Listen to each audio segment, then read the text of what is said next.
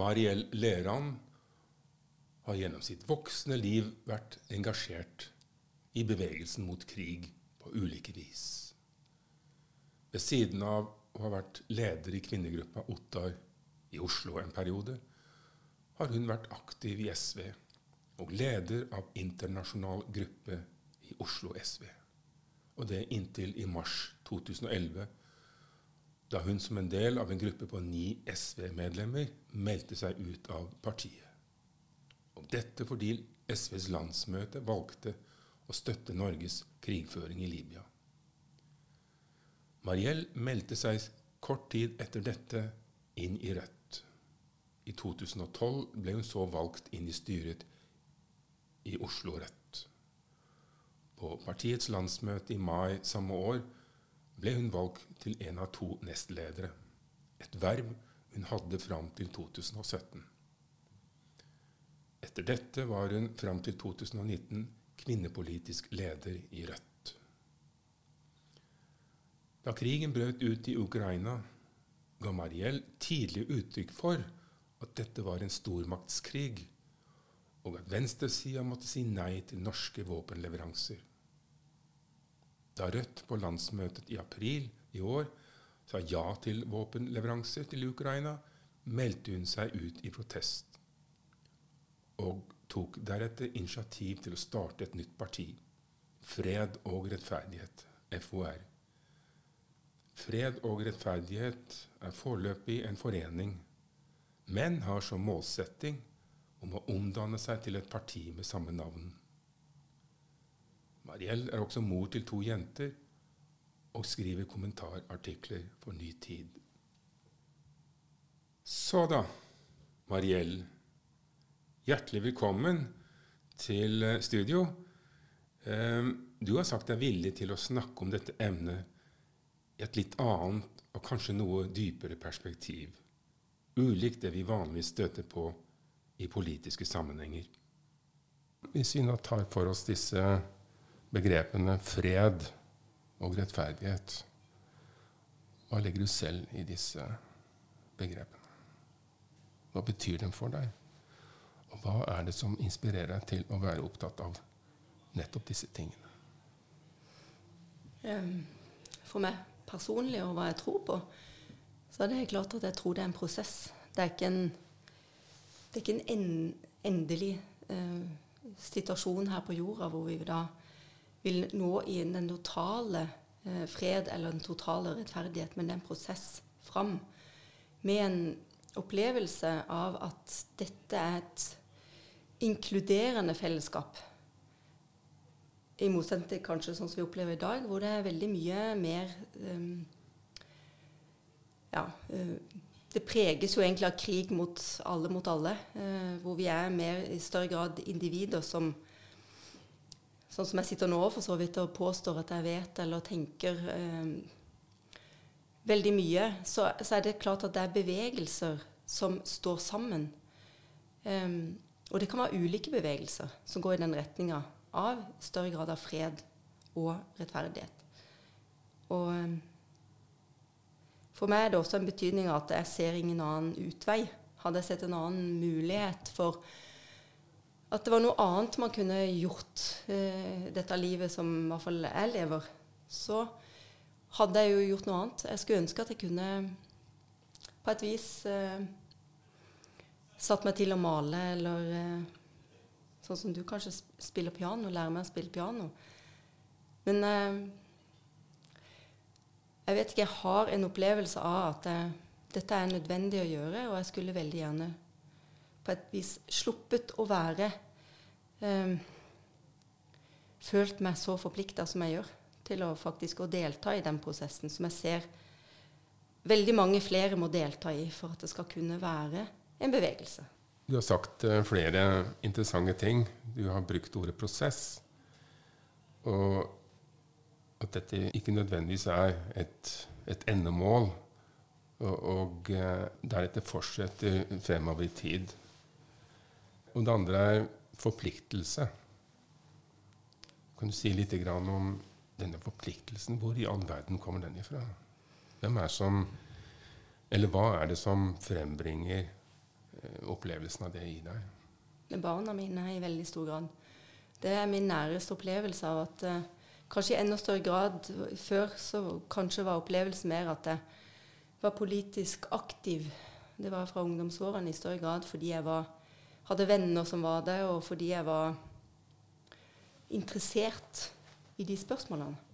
Men nå opplever jeg det rett og slett som en, en tilstand i større grad. Av at jeg er nødt til, og er forplikta. Jeg er forplikta som det at jeg har brakt barn inn i denne verden som, sånn som den er, gjør at jeg er nødt til å vie noe av den tida.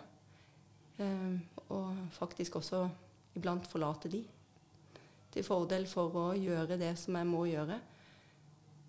Men jeg ønsker at vi er flere som bidrar på det vis at vi kan dele det i større grad eh, sammen som voksne. Og jeg vil jo helst at færrest mulig barn skal bli måtte nødt til å ha foreldrene sine som bruker veldig mye tid på, på, eh, på politikk, da.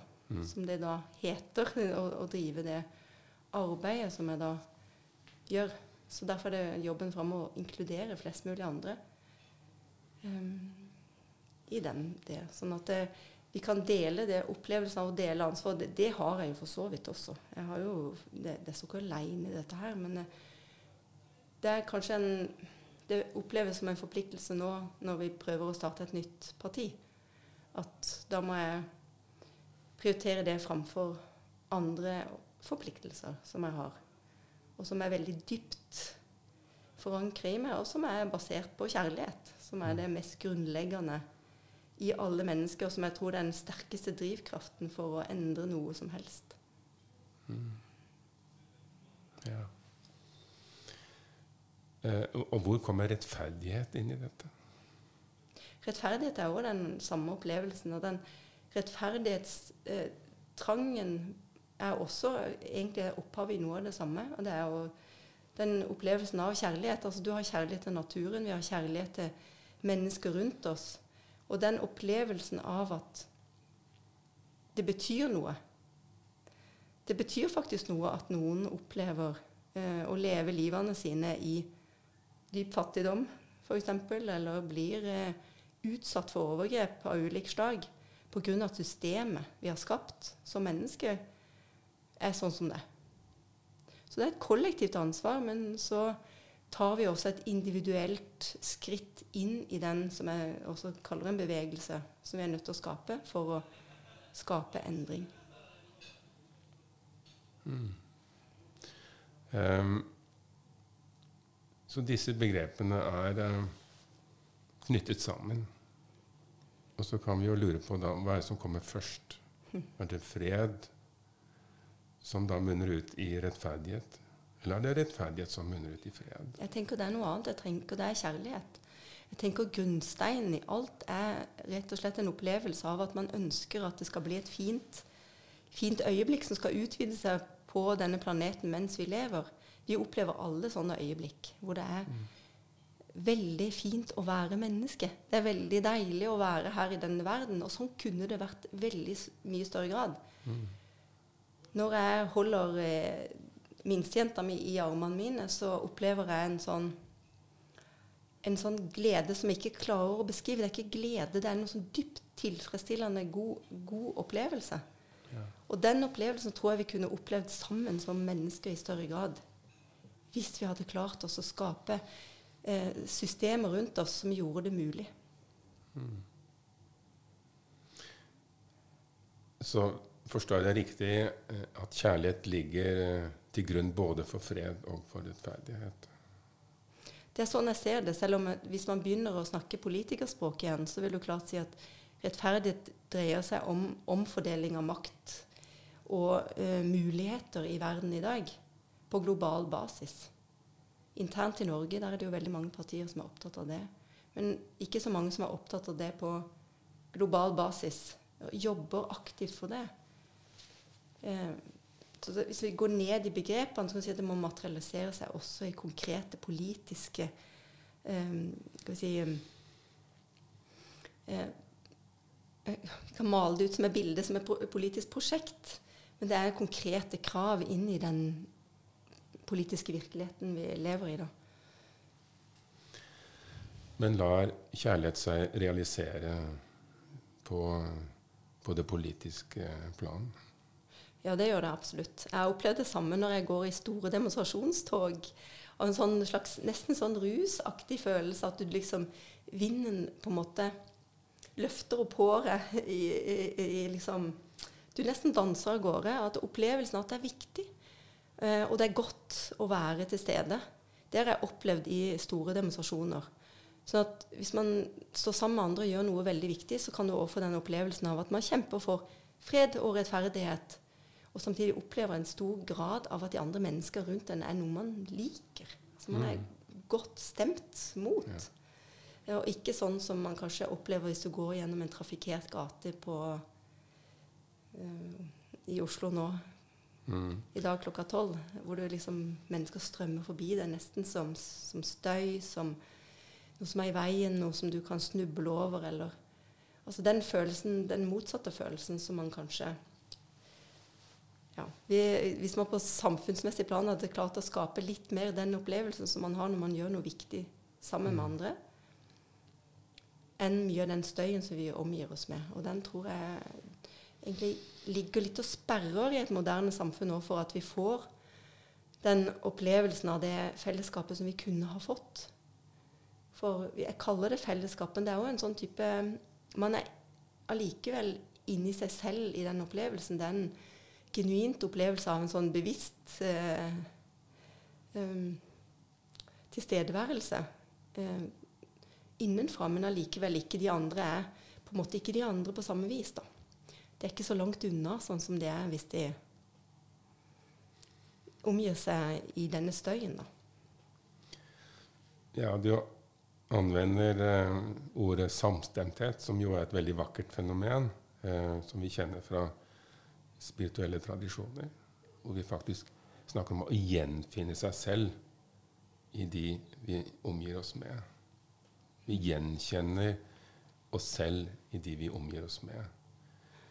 Um, og det finnes jo uendelig mange måter å få det til på. Men mitt inntrykk er at uh, i politikken så blir folk gjerne oppspist av de dynamikker som jo gjelder innenfor politikken sett eh, at uh, partier som har hatt uh, fred og rettferdighet på, på, sitt program, etter hvert har fraveket det. Fordi de jo befinner seg i en, en situasjon hvor um, dette forsvinner etter hvert. Det, det, er interessant det du sier der. fordi at jeg har tenkt en del på når man starter et eh, parti som jeg tenker som et fredsparti så er det snakk om hvilke metoder skal man bruke. Skal man bruke de samme metoder som alle andre politiske partier i, i måten å gå fram på? Eller må vi rett og slett ha en grunnskolering i en annen måte å jobbe på også? Det vil si at uh, når jeg var med i SV, når jeg var med i Rødt, så var det ikke så veldig ulike måter å jobbe på politisk. Kan det være at uh, noe av den noe av de, det som vi skal skape, vi tenker vi skal skape den opplevelsen av å være en F.eks. det å være i en demonstrasjon hvor du føler at de alle, alle sammen er i samklang, eller vi har ulike, vi er flerstemt sang. ikke sant? Vi har en sånn, vi er ulike, men vi opplever det som en sånn en god felles eh, eh, vind, da. Eh, det kanskje vi må ha, være en del av den vinden underveis, og ikke bare tenke at vi skal vi oppnå til slutt. Kan det være at noe av den fiendtlige språket som vi bruker, kan det være at vi må Eller er det sånn du sier, at hvis man går inn i den politiske debatten, så er man nødt til å sette de andre på plass på like linje som de andre gjør? Man må bruke de samme eh, si, latterliggjøring eller demonisering, eller man bruker de samme hersketeknikkene som andre gjør? Eller er det mulig med noe annet? Jeg er usikker på det. Fordi det som du sier, vi har på en måte det menneskelige, verken bevisstheten eller vi, kollek, vår kollektive bevissthet eller vår kollektive menneskelighet er jo ikke nådd så langt. da. At vi nødvendigvis klarer å kommunisere innenfor de rammene. Klarer man å uttrykke de tingene i eh, verbalt eller gjennom kroppsspråk, eller åssen skal vi uttrykke oss? for å vise at det er mulig å skape en større grad av disse boblene i virkeligheten vår, av mer opplevelse av den stille, gode, dype freden. Mm. Uh, og følelsen at det ikke er noe som skurrer, eller urettferdighetsfølelsen, eller um, Ja. Mye av de Opphavet til kanskje mange av de det som vi kaller da sånn um, samf samfunnsskapte lidelser da, som folk går rundt med, tenker jeg har også opphav i det. Og at vi ikke er vi er jo vi er der vi er, og vi repliserer. Vi er en del av det samfunnet vi er en del av. Og, og vi opplever mye av det samme. Mm. Så det er et kollektivt løft i en annen retning. Det er ikke vi, også de andre, gjør noe annet. Men vi må, gjøre det, vi må jo rett og slett gjøre det sammen. Og inkludere flest mulig i den prosessen, tenker jeg. Mm. Eh, det vi ser, er at eh, politikk blir for mange en karrierevei. Mm. Og hvor personlige interesser eh, i mange sammenhenger blir det dominerende. Mm. Um, og det å arbeide for fred og for rettferdighet er på mange måter et offer. Vi ofrer det vi kaller vårt eget ego, for å åpne opp for noe mye dypere noe som binder oss sammen, og som uh, lever bortenfor det du kaller for uh, å baktale folk, skjelle dem ut, uh, kalle dem med, med stygge navn osv. Uh, som absolutt ikke er i tråd med det å elske, det å, å leve i kjærlighet. Spørsmålet er om, om det er en, allikevel på lang sikt en måte å se at det er mulig, i hvert fall hvis man blir med i en bevegelse som hvor en opplever at en ikke blir eh, Altså ikke det er den gjengse måten å omgås på. Og også det at en løfter hverandre opp istedenfor at det er noen som blir så viktigere enn andre. Det tror jeg òg kan være en Eller det er jo den måten man må gjøre det på. Hvis vi skal gjøre det sammen, og vi er en del av den samme demonstrasjonsfølelsen, vi skal bruke det, altså vi er en stor demonstrasjon, så er alle sammen like viktige. Alle stemmene i et kor er like viktige, selv om de er? Det er totaliteten som gjør at det blir vakkert og oppleves rikt å være en del av det. Og det samme tenker jeg om en sånn bevegelse. Vårt samfunn i dag er jo veldig prega av den der individualismen og eh, dyrking av enkeltpersoner. Mm. Og det må man prøve å gjøre noe med. Det må en også, det har jo enhvert både parti og bevegelse et ansvar for å gjøre noe med. Og ikke la noen være så viktige at Altså ikke det er rom for. Det må være en rom for mange flere. Mm. Og der Miljøpartiet De Grønne hadde jo De hadde to talspersoner, f.eks., i en periode. Nå har de gått over til en leder, som de kaller leder. Det er noe sånn paternalistisk i den der leder som skal lede de andre tankegangen ovenfra ned. Um, hvis det var en demonstrasjonsopplevelse, så var det ikke noen som leda. Det var noen som tilfeldigvis gikk der i front, men de kunne også stikke bak. Eller det var det samme hvem som gikk først eller sist i den demonstrasjonen. Det er ingen som ser på det eller opplever det som en, det ene eller det andre. Det er at vi gjør dette sammen. Mm. Og da tror jeg at det er viktig at man har mange flere som kan litt forskjellige ting. Mm. Det er ikke én som kan alt. Uh, vi slipper mange flere til, tror jeg vil være mm. veldig viktig. Um, jeg vil gjerne utfordre litt videre på dette her med et partiprogram. Og den mm. diskusjonen som, som går politikere imellom, er jo på det kognitive nivået. Mm. Mens uh, dette ordet kjærlighet ligger på et mye dypere plan. Det ligger bortenfor kognisjonen. Mm. Altså Nervesystemet er jo et hierarkisk system som uh, inkluderer både kroppsfornemmelser, følelser og kognisjon. Veldig enkelt framstilt. Uh, I virkeligheten så er det selvfølgelig langt mer komplisert enn sånn, men det er en veldig enkel modell for å forstå denne problemstillingen som, som, vi nå er inne i. Og ego er jo egentlig et narrativ som vi har tatt til oss, og som er blitt til gjennom måtene vi har blitt tatt imot i verden, hvordan vår far og vår mor har forholdt oss til oss på. og hvordan de har kjøpt oss inn i sin eh, forestillingsverden for å forme oss slik som de ønsker at vi skal bli. Eh, og et barn er jo fullstendig eh, overgitt til eh, foreldrenes kjærlighet og vil da uten videre la seg lede inn i noe sånt. Og vil ikke våge å være i opposisjon i forhold til det. Så vi ser hvordan ego på den måten formes av en hel rekke omstendigheter som gjør at man vel ikke uten videre politisk klarer å, å løse opp i det. Altså, jeg jobber jo som psykoterapeut i terapirommet og har dette som en daglig eh, oppgave. Å bidra til at man blir forløst fra dette narrativet, for så å finne tilbake til denne genuine kjærligheten som vi lever i som nyfødt. Du kan si at det ligger latent, det opprøret eller det motet ligger latent i oss alle til å, å, gjøre noe og, si, og tørre, våge å imot foreldre, foreldre, kanskje, som du ville sagt, eller si imot samfunnet, eller være, våge å si noe annet enn det som til enhver tid man får et sånt uh, høstende nikk og smil og anerkjennelse for.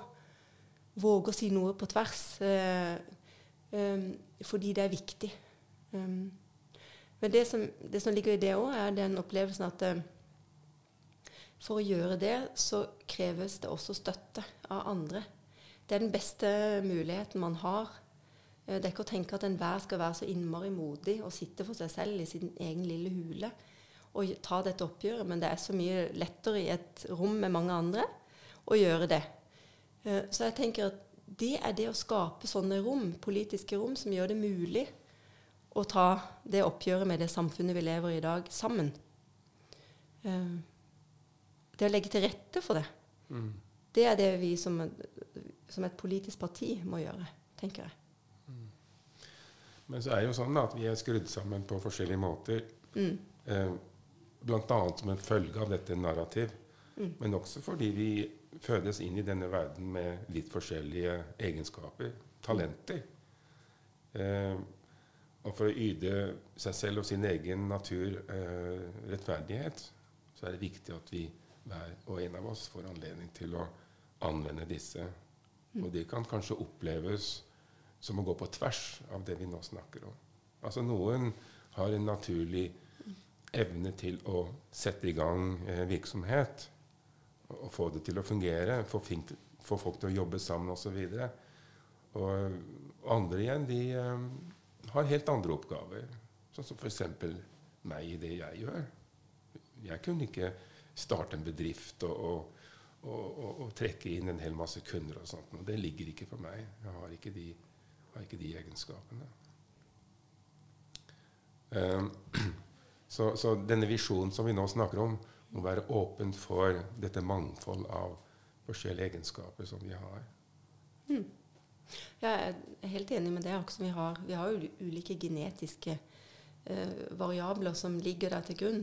Noen er gode i sprint, og noen i maraton, og noen eh, liker, som er veldig flinke til å male, har veldig sans for å se ting som inni et med en pensel istedenfor en eh, ja, Noen ser, det, ser ting i musikk som åpner opp dører for andre vi, vi, ser forskjellige ting, og vi har ulike egenskaper. Det er klart. Um, jeg ser ikke nødvendigvis at um, det er noen som altså Det kan være at historien har, historien har vist at det er noen som tar initiativer.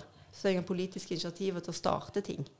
Stort eller smått. Det skal mm. være alt fra en dyrevernsorganisasjon til en uh, altså Det er ulike ting man brenner for, da, som gjør at man noen har forsøkt å starte noe opp igjennom. Eller en um, sopp- og nyttevekstforening, f.eks. Altså, mm. Samme hva det er. Uh, men det, jeg vet ikke i hvor stor grad det er i altså, Jeg tror det egentlig er litt sånn Det kan være det iboende i oss alle, men vi ville gjort det på forskjellige måter. Uh, jeg er litt usikker på det. Uh, men det er nok genetiske forskjeller på oss også som gjør at vi liksom ville gjøre forskjellige ting. Men jeg ser ikke det som noe hinder for å gjøre noe sammen. Eh, om noen starter og sier at du, vi skal gå den, kan vi ikke gå den, prøve å gå den veien der? Og det, så kan det jo være neste gang at man sjøl er den som følger etter. det er veldig I hvert fall i mitt liv så har jeg jo stort sett fulgt etter. Jeg har ikke tatt uh, initiativet nødvendigvis. Altså, det, jeg tenker vi gjør begge deler. Kommer an på hvilke områder. Mm. At vi har de ulike egenskapene. Noen ganger så Vi gjør litt ulike ting på ulike felt. Og vi har egentlig ganske mange um, Jeg forsøkte å male et år. Hvor jeg satte i gang og skulle lære meg å male bare meg selv. Jeg som en, fikk det som en hobby. Og jeg ble stadig overraska over meg sjøl, for jeg hadde ikke noe spesielt uh, Verken interesse eller uh, ingen i familien eller ingen genetiske greier. Men jeg satte noe i gang, da. Og, så, og jeg ble ganske overraska over meg sjøl over at jeg syntes dette her var ganske givende. Hva de ga tilbake, hva de viste tilbake. Så jeg tror man kan prøve ut ganske mange forskjellige ting hvis det gjelder mm men når det gjelder politikk, så tror jeg det også dreier seg om selvfølgelig at man må være innstilt på at dette her må noen gjøre. OK, det er ingen som gjør noe. Så det har egentlig vært utgangspunktet der. Uh, OK, nå må, vi, må jeg ringe litt rundt og noen venner, og må vi finne ut av det. Hva skal vi gjøre her? Dette går ikke lenger. Dette går ikke an å stå og se på lenger. Altså Man føler en sånn Og sånn kan jo folk føle, enten det er liksom Se på han der uh, naboen der som aldri klipper gresset, eller så samler man naboer. Folk kan føle på ulike vis at der, her er det presserende problem.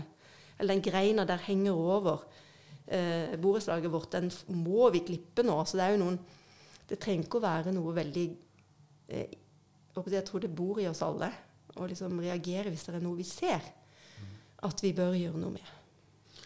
Men hvis vi hadde hatt eh, noen fra høyresiden her nå mm. um, så ville jo vedkommende en gang eh, snakket om ja, men vi må jo ha noen ting å leve av. Vi er avhengig av å sette ting i produksjon, slik at vi kan selge dette for å få inntekter som vi da i etterhånd kan leve av. Um, og så er spørsmålet da Ville f.eks. Sam Eide ha startet sin virksomhet hvis det bare var for å, å yte folk en, en, tjeneste og bidra til at uh, man fikk løftet også den fattige delen av befolkningen opp på et nivå hvor de kan leve sånn noenlunde ordentlig uten å lide nød. Mm. Eh, men vi vet jo begge to at eh, Sameide og alle andre av samme legning, de er jo først og fremst opptatt av å gjøre en fortjeneste, og som de selv kan slå seg opp med. Um, hvordan ville Sam Eide fungere hvis uh, han levde i kjærlighet, slik som vi allerede har snakket om? Ville han da agere på den måten som han gjorde? Jeg tenker at uh, jeg, vet, jeg, kan ikke garantere at ikke han lever i kjærlighet ut ifra sånn som han oppfatter det. Eh, samfunnet har sosialisert oss veldig stor grad til å tenke at eh, den rusen vi opplever når vi da vinner noe, den er nesten kjærlighet, selvkjærlighet. Vi, en narsissisme. Vi kan se, speile oss sjøl og se at nå har jeg oppnådd noe. Kryss av der. Det har jeg oppnådd. Kryss av der. Eh, sånn at, og det blir aldri nok kryss i dette narsissistiske spillet, da, for du må jo stadig man må jo stadig da få bekrefta dette eh, speilbildet, da. Så jeg tenker at eh, Den kjærligheten som jeg opplevde i demonstrasjonen, for å gå tilbake til den, den er mer en kollekt, kollektivt basert kjærlighet. Altså den er noe som vi deler, noe som fins i rommet mellom oss. Noe som fins i, i, vinden mellom oss, noe som finnes i det vi gjør sammen, og som er betydningsfullt. Det er ikke irrelevant hva vi gjør. Det er veldig betydningsfullt, den handlinga, politiske handlinga vi gjør sammen. Så det han gjør er for seg selv og sin egen familie og et knippe der, så den, den er iallfall veldig begrensa.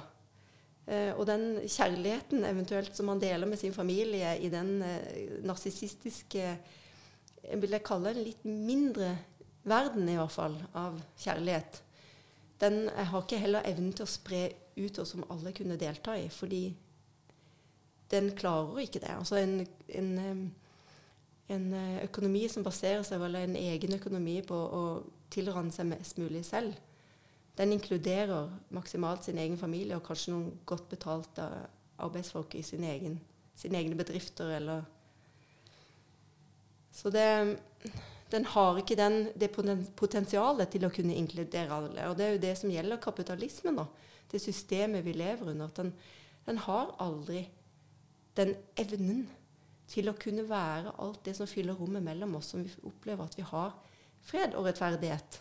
Og vi opplever at vi har en kjærlighet vi deler. Vi opplever at vi har vi gjør så godt vi kan. Vi er der, og vi er, vi er sammen. Vi tenker ikke om å gjøre så godt vi kan engang. Vi er bare til stede sammen, og vi gjør dette sammen. Og Det kunne vi gjort også på samfunnsplan. Mm. Og vi kunne opplevd det samme også på samfunnsplan. Uh, og i livene våre, i, i privatlivet vårt. Og da hadde det ikke vært viktig å krysse av disse narsissistiske prosjektene. For det hadde ikke blitt narsissisme. Det hadde kanskje bare opplevd som Det var alltid en, en, del av de andre i det du gjorde. Det var ikke sånn at man nødvendigvis bare gjorde. Hvorfor skal det være for seg selv? Hvis en sitter og maler hvis, det var det narsissistiske prosjektet da man skulle krysse av, så kunne man tenke at det å male var en, noe man gjorde til fordi at å dele det man fikk til med noen andre, det er en annen innstilling at man skal tjene penger på det. Mm. Så jeg tror at mennesker har det potensialet i seg, men det må skrus noen gener av og på eh, i noen eh, tiår og hundre år framover. Det er jeg ganske sikker på i tillegg. Vi er ikke en ferdig utvikla art heller. Mm. Det tror jeg ingenting på. Rettferdighet knyttes jo gjerne til økonomi og hvordan godene fordeles eh, folk mm. imellom. um, vi hørte ganske nylig et foredrag om uh, det økonomiske systemet vi lever i, og en veldig interessant kritikk av det. Og det som, Jeg husker ikke navnet på vedkommende, men det spiller ikke noen rolle. Det vedkommende var opptatt av, var at det systemet som vi har i dag, er ikke kommet for å bli, men har avløst et system som vi hadde tidligere, nemlig føydalsamfunnet. Og før det så hadde vi jo livegenskap og, og, og bruk av slaver osv. Så, videre. så vi har hatt forskjellige økonomiske systemer opp gjennom historien. Vi er i ferd med å komme inn i en situasjon hvor vi beveger oss inn i andre former for uh, måten å ordne oss rent økonomisk. At det kan være noe av uh, løsningen på de problemene som du påpeker. At uh, det økonomiske systemet reflekterer den, det kollektive bevissthetsnivået. Og hvis det utvikler seg videre, så vil også den økonomiske modellen som samfunnet da baserer seg på, virke i, i uh, samsvar med det. Um, har du gjort deg noen tanker om akkurat det? Ja. Eh, det er jo det man gjerne har blitt brukt som sånt argument mot innføringa av sosialisme i Sovjet f.eks. At, at menneskeheten var ikke kommet så langt. Hadde de bare kommet lenger, så ville systemet kunne fungere.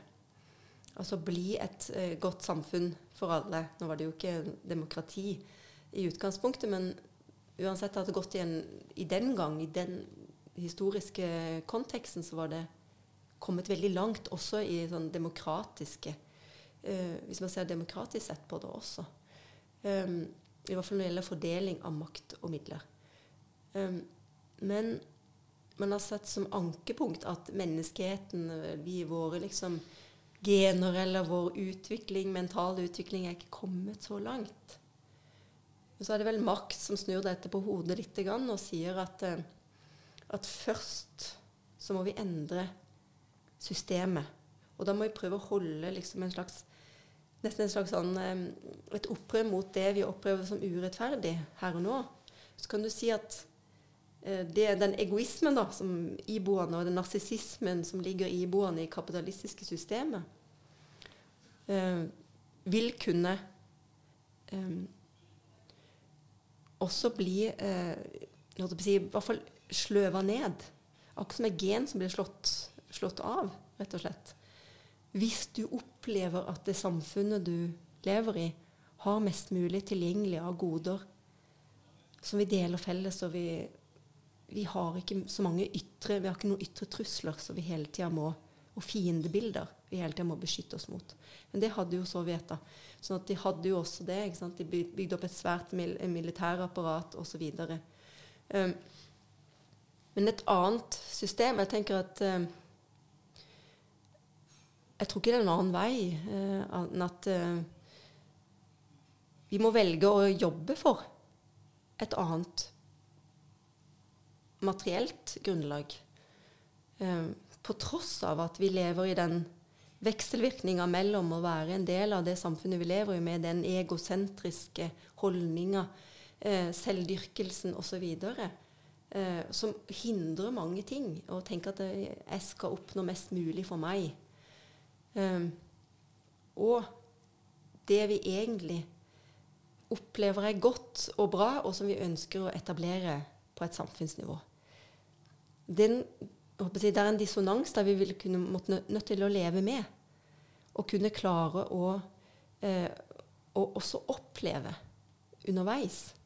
Og samtidig gå videre. og Derfor er det viktig å ha gode rammer, tror jeg. Altså gode, trygge rammer innenfor både en, et parti eller en målsetting. Han ikke opplever at, at det egosentriske eller eh, materielle for noen få skal få lov til å få forrang. da. Og det er jo eh, politikerklassen sitt problem, da, fordi det blir alltid noen som blir mer viktige enn andre. Noen får mer goder enn andre. Noen opplever mer at de er tjenere, mens eh, de som er ledere, ikke i like stor grad eh, fremstår som tjenere, men som heller som en elite. Eh, og Sånn er det politiske systemet lagt opp i dag. da. Mm. Ja, det er blitt mye av det etter hvert. Um, det som eh, jeg gjerne vil utfordre deg på nå, det er eh, Ok, du snakker om å skape et nytt system. Um, og det er jo selvfølgelig viktig at vi er aktive i å påvirke utviklingen i en, i en retning som gjenspeiler dette som vi snakker om, nemlig kjærlighet. Denne, denne grunnleggende egenskapen som vi alle har i oss. Um, men endringene kommer først. Altså de virkelige eh, endringene som er bærekraftige på sikt, muliggjøres, tror jeg, gjennom en høynet bevissthet om disse kvalitetene som bor i oss. Og at vi kan leve i tråd med dette og allikevel gjøre bruk av våre talenter, enten å er i å starte en bedrift og å få den til å, å være lønnsom. Og med det gi, eh, gi, inntekter til en hel masse mennesker. Eller som i ditt tilfelle å være en utøvende kunstner. Og at eh, Ja, har du uh, Nei, jeg tenker at noe som bor i oss alle, også er mot. En tenker at det er noen få som er modige. Det er noen få som er modige. De starter bedrifter eller modige som, som gjør noe nytt, eller som finner på en ny kunstart, eller som, eller som skaper et nytt parti. Det er mot. Og det er det bare noen få. Men de aller fleste av oss har ekstremt mye feighet i seg. Uh, og det er meg òg, for vi har hele tida tvil på alt vi gjør. Vi, vi lurer på alle mulige sånn, det, det, er skummelt å, å, gjøre det som er riktig. Selv om vi vet at det er noe vi gjør som er riktig, så er det, så er det ganske skummelt. Men det motet tror jeg det er mulig å, å, la smitte over og dele. Fra munn til munn og fra eh, person til person. Og jeg blir også så, således smitta av andre, for å si det sånn, hele tida. Jeg ser at andre er modige og tør å lytte på den indre stemmen som du snakker om at vi skal være i kontakt med. En, en, bevissthet for å gjøre det gode. Den, den, er vi i kontakt med. Og når vi ser andre våger å agere på vegne av det, så vekker det no, noe positivt i oss. Vi får, lov, vi får lyst til å være modige. Poenget er at vi får lov til å være modige. Eh, samfunnet vi lever i i dag, gjør det ikke alltid like lett og mulig, eh, men vi må gjøre det likevel. Eh, F.eks. med det med å Hvis man går inn på den krigen vi står midt oppi nå, så er det helt klart at det er ekstremt vanskelig å komme inn med synspunkter som strider mot hovednarrativet om hva denne krigen handler om, og hvordan den starter osv. Og, og det er klart at hvis man da ytrer noe annet enn det som, eh, som skal og bør sies, så er det noe som vekker mistenksomhet. Eh, folk blir forferda osv. Som er redd for hva alle andre som man kjenner, måtte mene og synes. Og man får ofte sånne telefoner også. ikke sant? En bekymrings... hva skjedde med Hva skjedde? ikke sant? Hvis man mener noe annet enn det det store hopen, antatt store hopen, mener. Men når det, det, det, er sånn at man ser at andre også deler de meningene, så kan man si at det er Foreløpig er det veldig få. Men sånn som det gjelder også eh, hvis vi skal skape fred, fred på et større grad på en lengre sikt i, i verdenssammenheng, så, så, krever det egentlig at vi, vi har sammen, og vi står sammen i å være modige til å våge å si Hvis eh, keiseren ikke har klær, så, har vi, så, er det kanskje ikke bare den ene som kan si det, vi skal si det sammen. Det her er faktisk eh, si, si, sannheten som den er. Og Det, men det er en øvelse, men det er også en bevisstgjøring om de faktiske forhold. Så du kan si at eh, for å endre oss som mennesker så må vi også ha fakta. Vi må også lære av hverandre av de faktiske forholdene om verden vi lever i. De fysiske tingene. Mm. Og ikke bare um, som en, uh, si, en, bevissthetstilstand, indre bevissthetstilstand. Den er ikke nok. Den krever også en, en um, overbygning av kunnskap, hvis du kan si det sånn. Men det kan være at det å være reseptiv for den, det krever kontakt med seg sjøl. Altså det motet man må ha for å kunne da forandre på noe som da er veldig satt og gitt. Så hvis vi nå forsøker å samle det som du har gitt uttrykk for, så er dette å virkeliggjøre fred og rettferdighet noe som er helt avhengig av at vi gjør bruk av noe som ligger veldig veldig dypt i oss, og som vi fram til nå har kalt kjærlighet. Men kjærlighet er litt uh, farlig ord. For uh, de aller fleste så er det knyttet til emosjoner, attraksjon osv. Dette å oppleve en eller annen slags forbindelse med uh, vedkommende vi har foran oss. Nei. Det er, opp, det er opplevelse av en tilstand. Uh, jeg vet ikke helt uh, Men når jeg har vært i kontakt med den tilstanden også annet enn når jeg var i kontakt med mitt eget barn. Det er ikke sånn at eh, når jeg var ungdom eller når jeg var tidlig voksen, ikke opplevde kjærlighet. Kjærlighet kan du oppleve i naturen. Du kan oppleve det i altså, mange opplevelser av følelsen av nå. Det å være litt mer fylt i, um, en tilstand av at du Man er liksom en del av den verden. Man eksisterer som et, som et det, det, er ikke verken godt eller vondt. Det er uh, hinsides det, holdt jeg på å si. Det oppleves som en tilstand av noe som er um, Sånn skal det være. Ja. En slags det, hvis du skjønner. Mm. Et det istedenfor et um, uh, det, du, det, du, sier med liksom, For alle relasjoner har både og. Det vil alltid være uh, Man tenker konflikt og ditt og datt, men da må man finne fram til noe av den grunnholdninga og stemninger i oss mennesker som er veldig iboende i oss alle, mm. og som er en enorm drivkraft. Og, og det, jeg tenker at det å kunne utvide det rommet i verden som helhet, sammen, det vil gjøre livene våre, sånn som jeg ser det, et hyggeligere sted å være. Grunnen til at jeg stilte spørsmål, er fordi um, jeg vet at, um, at mange vil uh, se på bruken av ordet kjærlighet som, som litt svermerisk og og som utopisk og alt mulig sånt noe. Det finnes eh, en forståelse av kjærlighet som er helt i tråd med det du snakker om. Um, det bibelske ordet for uh, kjærlighet, det som vi finner i, i, testamentet, agape, har et veldig sterkt element av nysgjerrighet i seg. Så den kjærlighet som, uh, som det er snakk om i, dette tilfellet, er å være genuint interessert i hvem du har foran deg, og forsøke å se det vedkommende både gjør, sier og tenker, i lys av hvor de befinner seg, og hva det er som har brakt dem dit hvor de er. At de forstår vedkommende. Og da er det mye lettere å forholde seg til vedkommende. Kjærlighet i den forstand at vi virkelig ser oss selv i den vi har foran oss. Ja, det er veldig indre skapt, og det skapes i hver og en. He, altså det skapes hvis vi klarer å være i kontakt med det, som du sier. Ja. Uh, og det fins der i, imellom, mm. imellom oss. Og, det, og, alle kjenner til det. Sånn at det å bruke den som, du, som, som sier at du er i kontakt og være i den tilstanden og den kraften som det innebærer det er ikke, da, går man ikke, går man ikke til eh, krig og halshugger eh, motstanderen.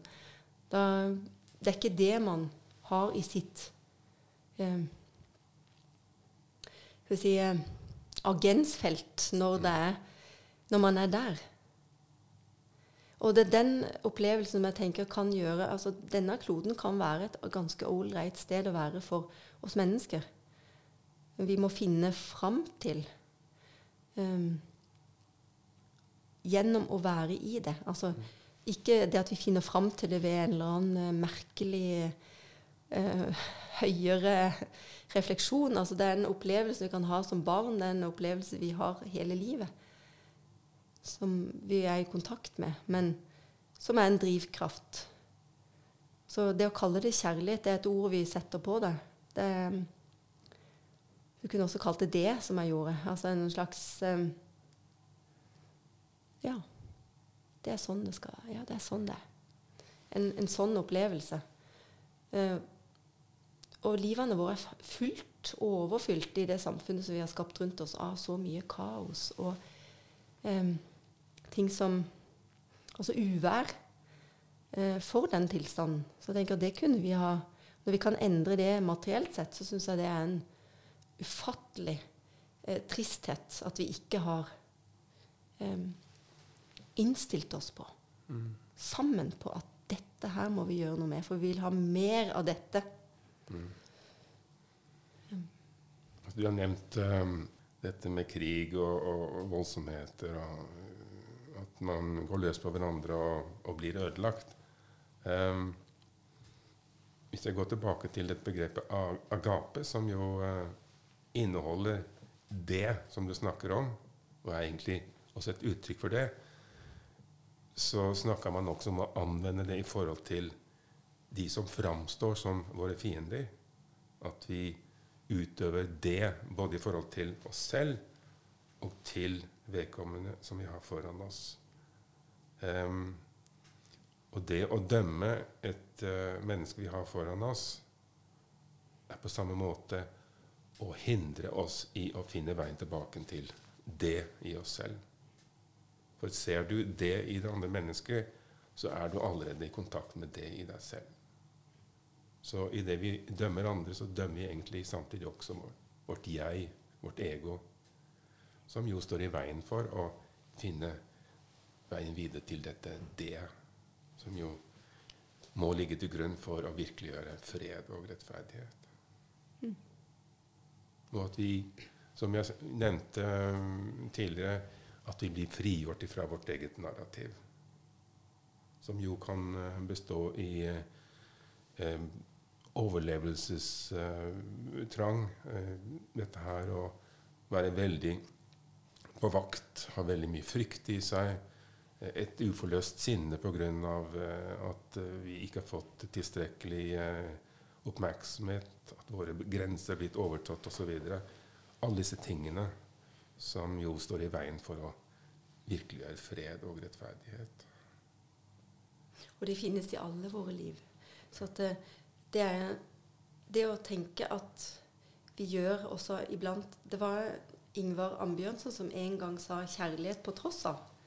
Og det, jeg liker litt det begrepet, fordi livet vårt altså Hvis vi skal gjøre noe, sagt, endre noe politisk sammen, så må vi også gjøre det.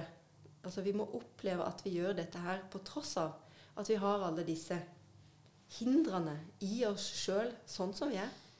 Med det livet vi er kasta inn i. Med de eh, relasjonene vi har, med de eh, materielle betingelsene vi har, så er vi nødt til å allikevel, på tross av, klare å skape den eh, tilstanden, eh, indre tilstanden i oss sjøl, som gjør oss i stand til å utføre det som vi må gjøre sammen. Og det er for at det skal bli bedre. Og det er en sånn Kan si eh, Men på et vis så tror jeg mennesket liker det. Det er som du sier, nysgjerrighet det er, en, det er, det er også en utfordring, da. Det er ikke alltid eh, altså Vi har motvind og storm og ble, altså, motbakker og sånn. Det er ikke alltid at det er så innmari eh, At det er så innmari fælt, altså. Mm. Jeg vet ikke hva jeg skal si, men jeg liker egentlig ganske godt motbakkere. Alle vet at det er en tilstand av eh, god opplevelse når man da har kommet opp den bakken. Så det Og de bakkene har vi alle sammen hele tida. Mm. De kommer igjen og igjen, og de klarer ikke å flykte fra.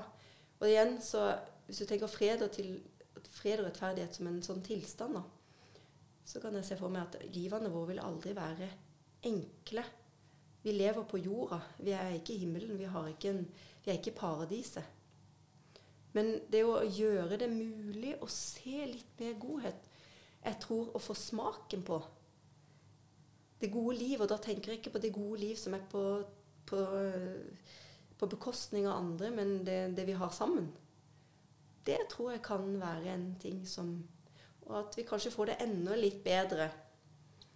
Eh, litt flere øyeblikk av sånn stillhet, indre stillhet. Når vi ser at andre også har det bra. At vi slipper å se så mye faenskap og jævelskap som vi opplever rundt oss, for det tar vi inn. Vi er ikke laga av eh, Vi har ikke jerndører inn mot vår indre bevissthet. Så de andres eh, smerter og problemer og plager og eh, Det er også noe som, som, er en del av oss. Og jeg tror vi lever egentlig i en slags kollektiv bevissthet allerede. hvor eh, det er ikke bare mitt eget liv og mine egne foreldre sine øh, et eller annet øh, hva som skjedde i barndommen, eller hva det, i deres egen barndom som preger mitt liv. Men det er i, virkelig stor grad også hva andre mennesker rundt meg, og hva andre mennesker leser om eller hører om eller vet om, at hvordan de har det. Eh, hvordan det preger og begrenser min egen opplevelse av å kunne være i en sånn god flyt og glede og opplevelsen av mening og rikt liv på ulike vis. Jeg tror vi går mot en avslutning nå. Er det noe du ønsker å si til slutt om dette som har vært tema, nemlig fred og rettferdighet? Det er kanskje Det er ikke ordene, det er handlingene. Altså det er hva eh, en sjøl opplever Hvis en sjøl opplever at det er viktig å forandre, eller hvis man syns at denne verden som vi lever i, og det samfunnet vi lever i, er, ikke innehar de, eh, den freden og den rettferdigheten som vi syns vi kunne ha, så er det faktisk sånn at det er summen av alle sin innsats som kommer til å være avgjørende for hvor langt vi klarer å gå Ok. Um, tusen takk for, uh, for det. Mariell vender tilbake i studio ved en senere anledning for å snakke om på hvilken måte hun som mor til to jenter påvirkes av dette. Og om hva det er ved disse to jentene og fremtidige generasjoner som gjør det maktpåliggende for henne å arbeide for fred og rettferdighet. Og inntil da takk for nå.